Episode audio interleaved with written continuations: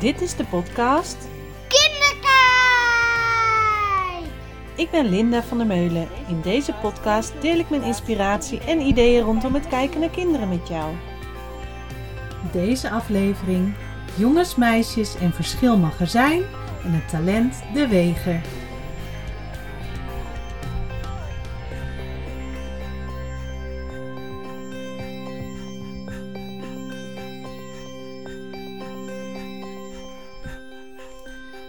Superleuk dat je weer uh, ingecheckt bent bij deze allernieuwste podcastaflevering nummer 30.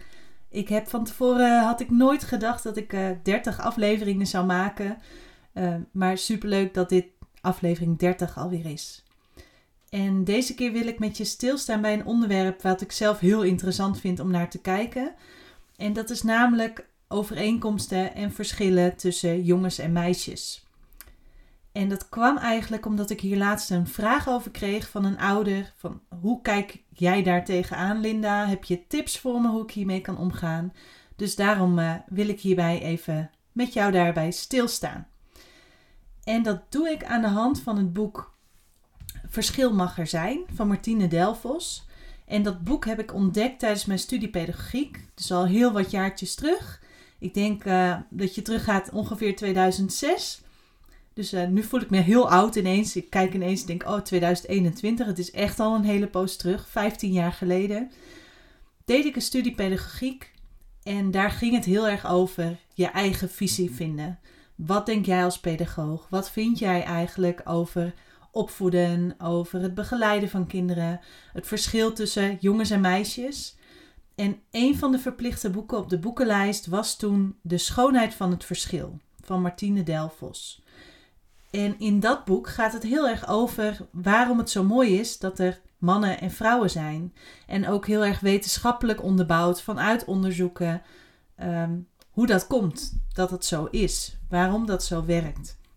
En een vervolg op dat boek is dus uh, Verschil mag er zijn. En wat ik wel een heel typisch voorbeeld vond, wat in dit boek uh, beschreven stond, wat je misschien wel kan herkennen, is het voorbeeld dat je als je iets op de trap legt, um, gaan wij ervan uit, wij vrouwen, ik uh, generaliseer het op dit moment even, dat je meeneemt naar boven wat op de trap ligt. En Martine schrijft in dat boek dat ze een keer tijdens een lezing het volgende voorbeeld gaf. Wereldwijd nemen mannen niet mee wat er op de trap ligt. Wereldwijd zeggen vrouwen: neem nou eens mee wat er op die trap ligt. En die vrouw denkt: ik begrijp het wel, hij ziet het niet liggen. Maar als je eens goed gaat kijken naar hoe je man dan die trap oploopt, dan zie je dat hij zijn voet optilt om er overheen te stappen. Het zou verstandiger zijn als ze zou denken: ik begrijp het niet. Waarom neemt hij niet mee wat er op de trap ligt? En hem vervolgens uitnodigen door het uit te leggen. Ze heeft dat een keer dus in een zaal dit voorbeeld gegeven. En het was een zaal van ongeveer 400 mensen. Met bijna alleen maar vrouwen en een aantal mannen. En iedereen kon dit verhaal beamen. Maar één man die ging uh, op de, haar uitnodiging in om erover in gesprek te gaan. En hij zei: Wij hebben het er ook niet neergelegd. En toen was het wel direct duidelijk of je nou een man bent of een vrouw. Wij mensen, dus niet mannen, niet vrouwen, maar wij mensen, houden er niet van als dingen ons worden opgelegd. Autonomie vinden we allemaal heel belangrijk. Want of je nou een man bent of een vrouw bent, jong of oud, mensen houden er gewoon niet van als iemand iets voor hun bepalen. Mannen zeggen ook vaak dat het gevaarlijk is om iets op de trap te leggen.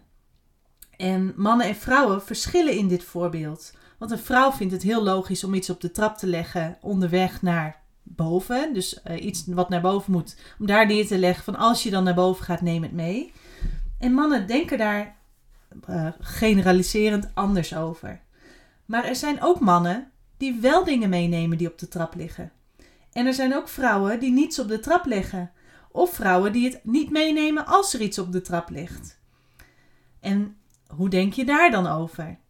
daar gaat deze podcast over. Dat er dingen zijn die typisch iets mannelijks hebben, typisch iets vrouwelijks hebben, maar dat wij allemaal eigenlijk ook mensen zijn. En het talent wat ik daar heel mooi bij vind passen is de weger.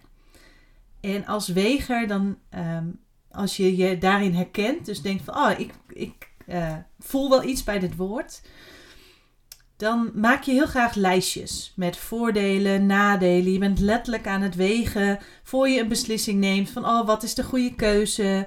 Ehm, je beoordeelt situaties, dus nieuwe dingen uh, of ingewikkelde dingen. Bekijk je van alle kanten, hoe zit het in elkaar? Wat zou ik hiermee kunnen?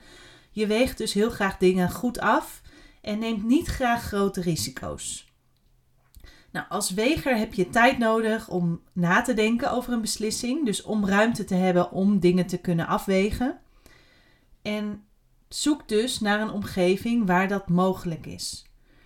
Ook heb je als weger een plek nodig waar je Ehm, onderzoek en het denkwerk en het afwegen gewaardeerd wordt. Dus dat andere mensen daar ook waardering voor hebben en jou ook die ruimte en tijd geven. Dat je niet te snel hoeft te beslissen, maar dat je ook die ruimte en tijd krijgt.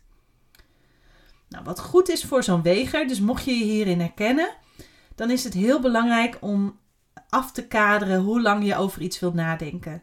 Anders kun je soms heel lang in dat wegen blijven hangen en niet tot beslissingen komen. Dus bepaal voor jezelf hoe lang wil je af blijven wegen. En soms gebeurt het ook dat je een situatie voor je hebt dat je niet alle risico's kan uitsluiten. Ook niet door de juiste keuzes te maken. En soms maak je keuzes die achteraf toch niet helemaal juist bleken of anders bleken dan je had bedacht. Soms moet je gewoon gaan springen. Gewoon letterlijk in het diepe springen en het gewoon doen. Want wat een valkuil voor wegers is, is dat ze ook vaak uh, of regelmatig kunnen zien wat er allemaal fout kan lopen. En ga als weger ook op onderzoek naar wat de positieve kanten kunnen zijn. En je hebt ook wegers die als combi het talenten positivo hebben, die, die juist alleen maar de goede dingen, vooral de goede dingen in um, nieuwe dingen zien. Um, dus wees je daar bewust van. Welke kant weeg je op? Weeg je richting het positieve of weeg je richting het negatieve? Nou ja, die weger die kan ook deze podcast luisteren en denken van... Oh, hey, um, hoe, hoe, sta ik hier eigenlijk in? Uh, vind ik dingen mannelijk? Vind ik het vrouwelijk? Die vindt dat heel mooi om daar lijstjes van te maken en daar overzichten van te krijgen. Maar waar het voor mij in de kern om gaat, is vooral uh, dat het helpt in het nog beter kijken naar mensen. En dan voornamelijk kinderen, want daar ligt mijn passie. Maar vooral ook uh, dat je elkaar misschien ook wel je partner of um, andere mannen of vrouwen in je omgeving ietsjes beter kan gaan begrijpen. De vraag van de ouder die ik kreeg. Ik zal hem heel eventjes erbij pakken. Wat is jouw idee over uh, en meisjesspeelgoed. Hoe kijk jij aan tegen genderneutraal speelgoed? En wat zou ik kunnen doen aan het beeld dat mijn kind heeft van typisch jongens- en meisjesspeelgoed? Dit was een meisje die een periode met ongeveer 2,5 jaar een hele poos alleen maar jurkjes aan wilde en nu ineens niet meer. En dat ze ook benoemt van ik speel niet met auto's, want auto's zijn voor jongens. Nou, vanuit mijn visie in het kijken naar kinderen is ieder kind uniek en heeft het zijn eigen voorkeuren. Tijdens observaties zie ik dat uh, kinderen allemaal hun eigen manier van uiten hebben. En wat wel heel interessant is om te onderzoeken, en dat doe ik in mijn werk door middel van documenteren, is te kijken hoe doet een ene kind iets en hoe doet het andere kind iets. En om ook die verschillen en overeenkomsten te zoeken en te gaan kijken van hé, hey, welke manieren van handelen hebben ze? Welke uitspraken doen ze? Ehm, hoe uit een kind zich tijdens een spel? En wat super interessant was, is een aantal jaar geleden hadden we op de peutergroep een onderzoek naar fietsen. Dus uh, verschillende soorten fietsen, um, hoe zitten fietsen in elkaar, noem maar op. En globaal gezien, uit die documentatie, dus uit de observaties, haalde ik dat um, jongens meer gefocust waren op techniek en meisjes waren meer gericht op hoe die fiets eruit ziet. En dat was wel heel opmerkelijk, want het was niet voor alle jongens en meisjes zo. Maar wel globaal gezien waren de jongens veel meer gefocust op de trappers, op de kettingkast, op ehm, hoe zo'n wiel draait. Hoe komt dat? Uh, als je een handrem inknijpt, dan gaat daarachter iets bewegen of ervoor bij het wiel. Hoe werkt dat?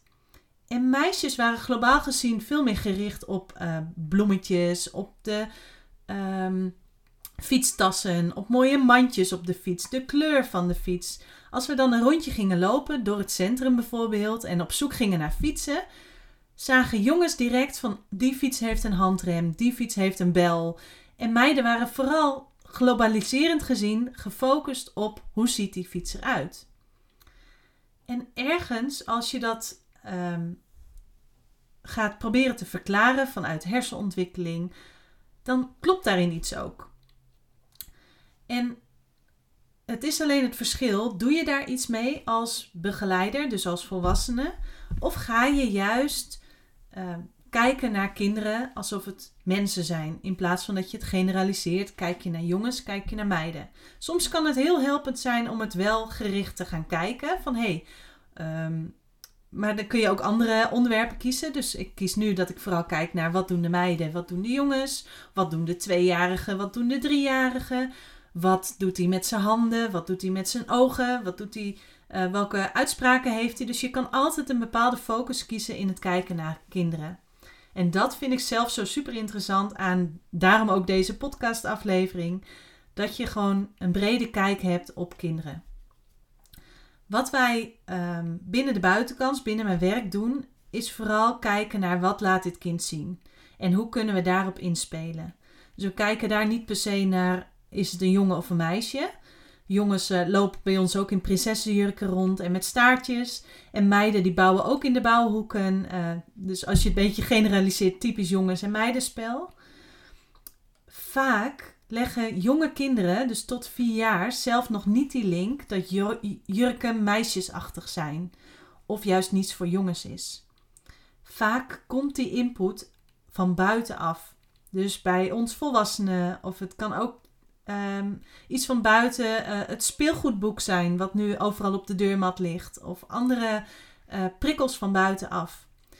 En het schijnt ook, blijkt uit onderzoek, hebben ze onderzoek gedaan naar baby's in de buik, waarvan ouders wisten het is een jongetje of een meisje. Dus uit de 20 weken echo of een uh, pret-echo bleek dat het de stempel jongetje of meisje kreeg. Dat ouders al in de buik veel meer praten over een lieve baby, een rustige baby bij meisjes. En over een actieve, drukke baby bij jongens.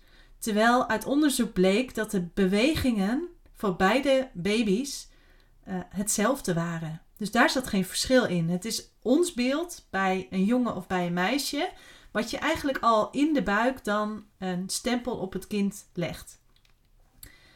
Nu is dat natuurlijk helemaal niet goed of slecht. Of tenminste vind ik dat. Maar het is wel wat het is.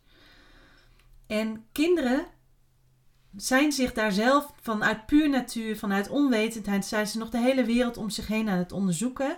En ze zijn zichzelf daar dus nog niet bewust van. Ik ga ervan uit van uh, de drie pedagogen waar kinderen van leren. Dus kinderen leren van elkaar. Door andere kinderen te observeren, door ideeën van andere kinderen over te nemen. Als ze uh, soortgelijke, dus kinderen waarmee ze verbonden raken, een jurkje zien, willen zij ook een jurkje aan. Als ze kinderen uh, met een staartje zien, willen ze ook een staart aan. Of een bepaald kapsel. Dat, dat, uh, die voorkeuren die komen van het kijken naar elkaar. Maar ook bepaalde dingen in gedrag. Je kan als uh, je een groep kinderen bij elkaar zet, echt een bepaalde cultuur met elkaar kweken, hoe we met elkaar omgaan. Kinderen leren naast van elkaar ook van de volwassenen als begeleider. En dan zie ik zelf die begeleider vooral als uh, coachende rol. Dus vragen stellend in plaats van antwoordgevend. Uh, vooral kijken naar wat heeft dit kind nodig en hoe kan ik daarop aansluiten in plaats van het leiding nemen. Dus als je als volwassene zonder oordelen uh, met je kind over zulke dingen hebt en gewoon wat vind jij mooi, wat vind je interessant, dan krijg je een heel andere uitkomst dan als jij al heel erg zelf in dat jonge meisje verschil zit. Of juist heel bewuste genderneutrale en dat je misschien wel bij een jongen alles wat maar meisjesachtig is, uh, afwijst. Dus wees je daar bewust van jouw rol als volwassene daarin. En kinderen leren ook van de ruimte, de omgeving als pedagoog. Uh, letterlijk de ruimte waar je woont, de ruimte waar je speelt, de ruimte waar je leeft, het speelgoed wat je aangeboden krijgt. Ehm, misschien wel voorkeuren aan kleuren en borden. Uh, noem maar op wat je maar uh, aanbiedt. Wij wisten zelf tijdens de zwangerschap niet dat Isa of ze een jongen of een meisje was. En daar hebben we heel veel vragen over gekregen, want tegenwoordig is dat haast standaard dat je het wel weet. En voor ons was het een bewuste keuze omdat het voor ons niet iets toevoegde. En de babykamer van Isa hebben we dus ook oranje gemaakt. Een relatief neutrale kleur. Niet per se roze of blauw. Geen jongenskleur, meisjeskleur, maar oranje. En uh, het was oranje met groen en nou ja, allerlei uh, verschillende kleurtinten.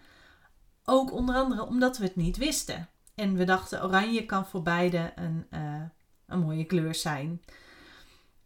En toen Isa geboren was, toen merkte ik dat ze een voorkeur had voor de kleur blauw. Blauw is echt een hele poos haar lievelingskleur geweest. En een hele poos zeg ik, omdat het was tot mijn tante op een verjaardag een keer zei: van, Is blauw jouw lievelingskleur? Dat kan toch niet? Je bent een meisje. Blauw is een jongenskleur. En Isa was daarvan zo in de war. Ze was toen peuter, ik denk nou ja, bijna drie. En echt de een op de andere dag, na dat moment, kon blauw volgens haar geen, uh, niet meer haar lievelingskleur zijn. En daar kon ik als volwassene, als begeleider niks meer aan veranderen, want zij wilde heel graag een meisje zijn. En ze is ook een meisje en ze voelt zich ook een meisje. Alleen die kleur blauw, dat was dus een jongenskleur. En dat paste niet bij haar, want zij was een meisje. Dus bij haar was dat op dat moment, terwijl ze nog maar nou ja, bijna drie of net drie was, dat kon niet in haar hoofd. En dat gaat nog heel lang door. En nu kiest ze af en toe nog wel voor blauw. Maar roze is ook nog steeds favoriet. En ook heel veel andere kleuren. Uh, als ik haar vraag nu, wat is je lievelingskleur? Dan benoemt ze de regenboog. Alle kleuren van de regenboog. En vooral paars, omdat ik paars niet zo'n leuke kleur vind, is op dit moment paars haar favoriete kleur. Maar met dit voorbeeld wil ik wel aangeven hoe bepalend jij daarin bent als volwassene. En hoe klein opmerkingen soms kunnen zijn en hoe groot dat in een hoofd van een kind door kan werken. En nu vind ik het niet heel belangrijk wat je lievelingskleur is. Ik vind zelf heel veel kleuren mooi, behalve paars dus. Um, maar waar het mij vooral om gaat, is dat je bewust kijkt en luistert naar wat vindt dat kind eigenlijk? En welke voorkeuren heeft hij? Wat doet hij graag? En uh, breng het ook eens bewust in aanraking met andere kinderen. En observeer je kind in hoe hij de dingen doet en welke behoeften heeft hij in zijn spel. Is het bezig met heel erg het verzorgende of meer juist de beweging achter dingen of het klimmen of het uh, rollen? Welke dingen zie je terug in het spel en wat voor materiaal zou daarbij kunnen aansluiten. En dat je daarin niet kijkt, is het nou een jongen of een meisje? Want meisjes vinden bouwmaterialen ook echt super interessant. Maar vooral dat je kijkt naar welke behoeften heeft het kind en hoe kan ik daarbij aansluiten. Maar nu noemde ik natuurlijk net aan het begin van deze podcastaflevering het voorbeeld van die spullen op de trap. Dat er echt wel een groot voorbeeld is het verschil tussen hoe mannen denken, hoe vrouwen denken. En dat komt eigenlijk door de breinontwikkeling. Maar ook door de hormoonhuishouding. En ook verschillende ontwikkelgebieden die generaliserend gezien uh, jongens op een ander tempo doorlopen dan meiden. En dat komt gewoon omdat je lichaam ook anders opgebouwd is. Letterlijk hebben vrouwen een baarmoeder en mannen niet.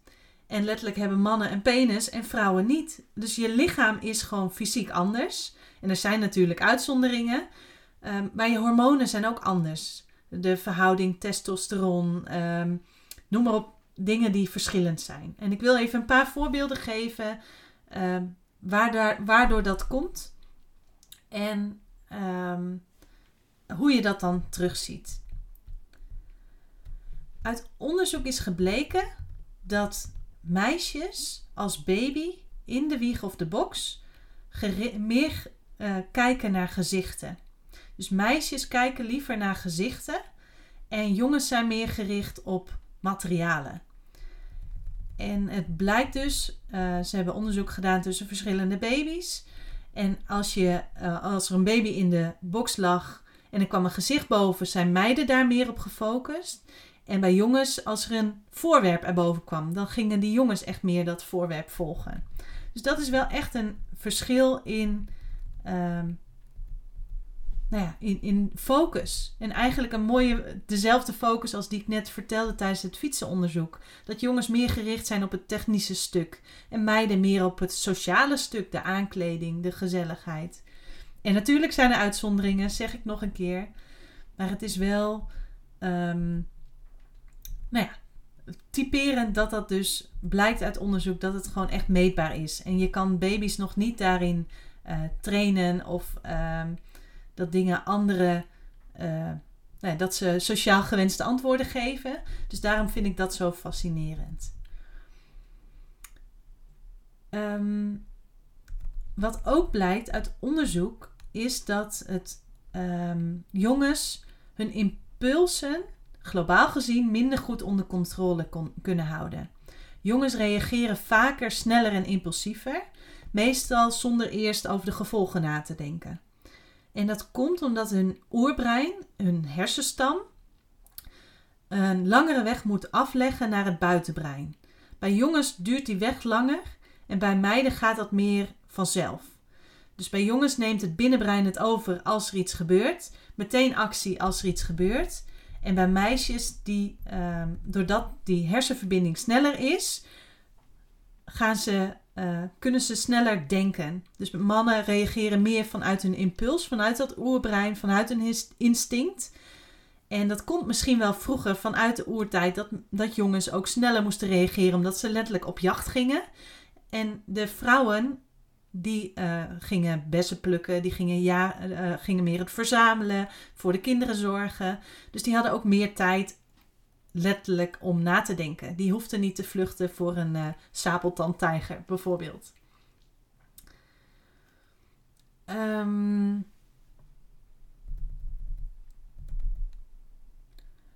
als je kijkt naar beweging, zijn jongens bewegelijker dan meiden, globaal gezien. Jongens hebben meer beweging nodig en uh, ze nemen meer kennis op door te doen.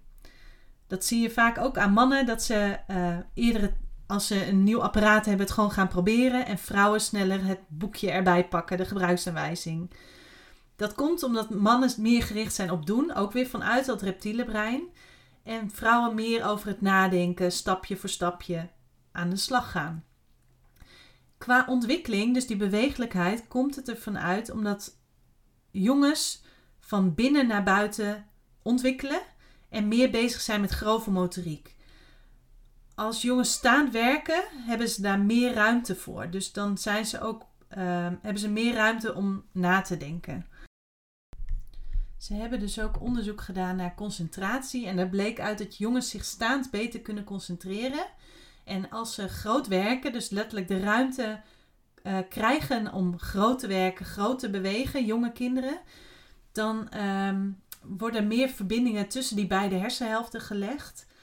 En dan kunnen ze ook taal en cognitie, dus het nadenken, verbinden aan de dingen die ze zien.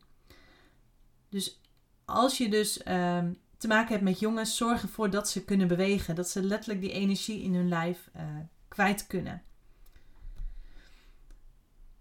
Bij meiden is het zo dat ze zich sneller ontwikkelen door de hogere oestrogeen. Uh, snel, uh, ja, oestrogeenverhoudingen. En beide hersenhelften worden ingezet bij activiteiten. Dus bij meiden ontstaan er sneller en meer verbindingen tussen die beide hersenhelften. En jongens hebben daar meestal meer beweging voor nodig. Bij meiden lijkt dat meer vanzelf te gaan, omdat die ook al sneller kleiner werken vaak. En bij jongens moeten uh, vaak extra handelingen doen. Het is heel belangrijk dus om bij jonge kinderen heel veel dingen symmetrisch aan te bieden. Dus met beide handen, kneden met twee handen, met twee handen in de scheerschuim of slagroom of materiaal of verf. Op twee benen springen, het lopen op klossen of stelten, dat helpt heel erg bij ehm, nou ja, symmetrisch die, die hersenhelften. En juist asymmetrische dingen, bijvoorbeeld steppen, zie je ook vaak dat jongens daar een, meer moeite mee hebben om dat aan te leren. En dat heeft te maken dus met die verbinding van die hersenhelften. Ehm, ik zal nog eens één voorbeeldje eruit pikken, onder andere uit het boek. Jongens meer gericht zijn op uh, agressievere spelletjes. Dus actieve, wilde, actieve spelletjes. En al vanaf dat jongens gaan kruipen, is de kans groter dat ze zich confronteren met risicovolle situaties. Ergens opklimmen en er weer afvallen. Uh, ze vinden dat zelf vaak niet onprettig. Ze doen dat gewoon honderd keer achter elkaar. Jongens spelen vaak uh, meer oh, uh, cowboytje, soldaatje. En meisjes worden vaker behoed voor spannende situaties. Bij meiden wordt al vaker door de buitenwereld gezegd van nou, doe maar rustig, van oh wat een lief meisje. En bij jongens wordt heel snel benoemd van wat een stoere jongen. En dat gebeurt al bij baby's. Maar door die um, imprint, maar ook door aanleg, vinden meisjes um, vaak vallen onprettig. En um, ze storten zich daardoor ook minder snel in risicovol spel. En jongens zoeken dat juist op. Die willen uittesten hoe hiërarchie in een groep is. Een stukje haantjesgedrag. Ze willen zich meten aan elkaar. Het gaat ook om een stukje gezag en houding. Wie is er de sterkste? En bij meisjes is de rangorde meer gericht op wie heeft het leukste haar, wie heeft de mooiste kleren, wie ziet er het leukste uit. Omdat meisjes dus ook meer te horen krijgen: je bent een lief meisje en je bent een stoere jongen. In het dierenrijk zie je ook rangorde. En daar zit ook het stukje herkenning eh, van uh, vrouwen en mannen wel terug. Dus die rangorde. Um, in het dierenrijk gaat het meer om de recht van de sterkste. En bij ons mensen is het dus verschillend. Dus de een vindt bij uh, rangorde, hiërarchie het belangrijk te meten aan elkaar. En de ander meer uh, hoe zie je eruit. Bij jongens is vooral dat rangorde bepalen heel belangrijk. En dat doen ze ook vaak als je een groep hebt, bijvoorbeeld na de vakantie of als er gestart wordt op een nieuw plekje. Dan gaan ze heel erg uitproberen, dus letterlijk uitvechten. Dus duwen, stoeien, trekken. En als dat uitgevochten is, als ze weten wie is hier de baas, wie is hier de sterkste, dan kunnen ze weer normaal met elkaar spelen. Wat vooral belangrijk is, is als begeleider dat niet af te remmen of niet te stoppen. Bij broertjes en zusjes zie je dat ook wel. Vaak is de oudste de sterkste, maar dat geldt niet altijd. Soms moeten ze ook gewoon letterlijk uh, het uitvechten. Uitvechten wie er uh, de sterkste is, wie er de baas is. Wat wel zo is, is dat het vrouwenbrein zo gemaakt is dat het uh, wil behoeden voor gevaarlijke situaties. Terwijl het mannenbrein juist gemaakt is om gevaarlijke situaties op te zoeken. En dat komt echt nog vanuit dat oerbrein, vanuit dat die mannen moesten jagen en de vrouwen verzamelen. Dat is een heel oud brein in ons hoofd, in onze hersenstam, waar nog steeds die overlevingsmechanismen van de vrouwen die zorgen en de mannen die jagen in zit. En in de evolutie uh, geldt natuurlijk dat uh, dat niet allemaal gelijk ontwikkelt, maar dat bij de een Um, die zal wel meer gericht zijn op risicovolle situaties, de ene vrouw, terwijl de andere man meer het zorgelijke type is. En um, dat is gewoon wel een heel verschil. Ik volgde een poosje geleden een workshop, ging ook hierover. En daar werd het voorbeeld genoemd um, dat die vrouw die de workshop gaf, die keek naar een stel mensen die op straat liepen. En het was een echtpaar met een zoon van een jaar of twaalf. En die zoon liep een beetje zo als een beginnende puber achter zijn ouders aan te schokken. En wat die zoon deed was op de rand van de gracht lopen. Dus uh, liep echt precies op het randje. En die moeder die zei: Pas op, straks val je in de gracht. De mensen keken om en die gingen ernaar kijken. En die jongen die uh, bleef doorslenteren. Die moeder zei weer iets en die jongen draait om om naar haar te kijken en die valt in de gracht. De vader stond erbij en die keek erna. En uh, die jongen kon goed zwemmen. Die zwom naar het trappetje, klom uit de gracht. En die moeder met tieren. En van, hoe moet dat nou met je natte kleren in de auto? Waarom ben je nou in die gracht gevallen? Ik zei al, pas op. En het enige wat die vader zei was: Hoe wist je nou dat daar een trappetje was? Nou, dat is wel echt een typerend verschil tussen wat ik net noemde: het verschil tussen ehm, ben je juist gericht op de risico's of ben je juist gericht op uh, oplossingen. En waar vrouwen dus meer de risico's zien, dus ook heel erg benoemen van pas op, straks val je erin. Het is ook uit onderzoek gebleken, zodra jij roept pas op, gaan kinderen ook juist die risico's um, uh, ontstaat er juist een nieuw risico. Doordat jij het kind afleidt terwijl hij iets aan het doen is, ontstaat juist het risico. En dat vrouwen meer over het zorgende stuk, hoe moet dat nou met die natte kleren? En dat die man dus heel erg um, gericht was op, hoe wist je nou dat daar een trappetje was? Dus meteen in uh, van, hé, hey, dit heb je best wel goed opgelost. Of hoe, hoe heb je dit gedaan? Nou, ik vond het zelf super fascinerend uh, ik vind het nog steeds fascinerend in het kijken naar mensen. En um, vooral het stukje ook, het hormonale stuk, het hersenontwikkelingsstuk. Bij jongens is het nou eenmaal zo dat op een gegeven moment de testosteronspiegel sterker wordt. Um, vanaf twee jaar neemt bij jongens testosteron gewoon toe. Heb je ook vaak uh, stuiterende kinderen. Tussen de 5 en 11 jaar blijft het ongeveer gelijk. En rond 11 jaar gaat het testosterongehalte wordt 800 keer vergroot. Dus vaak zie je dan op die leeftijd ook stuiterballen als peuters die spannende dingen willen doen, risicovolle situaties opzoeken, op zoek gaan naar een kick. Zorg er dan voor vooral dat die jongens, want vooral zijn het jongens bij testosteron, want meiden wordt het oestrogeen dan dominanter, is dat ze um, groot kunnen bewegen, lekker naar buiten, laat ze de ruimte opzoeken. Uh, laat die overprikkelde jongens vooral lekker uitrazen en drukke momenten afwisselen met rustige momenten.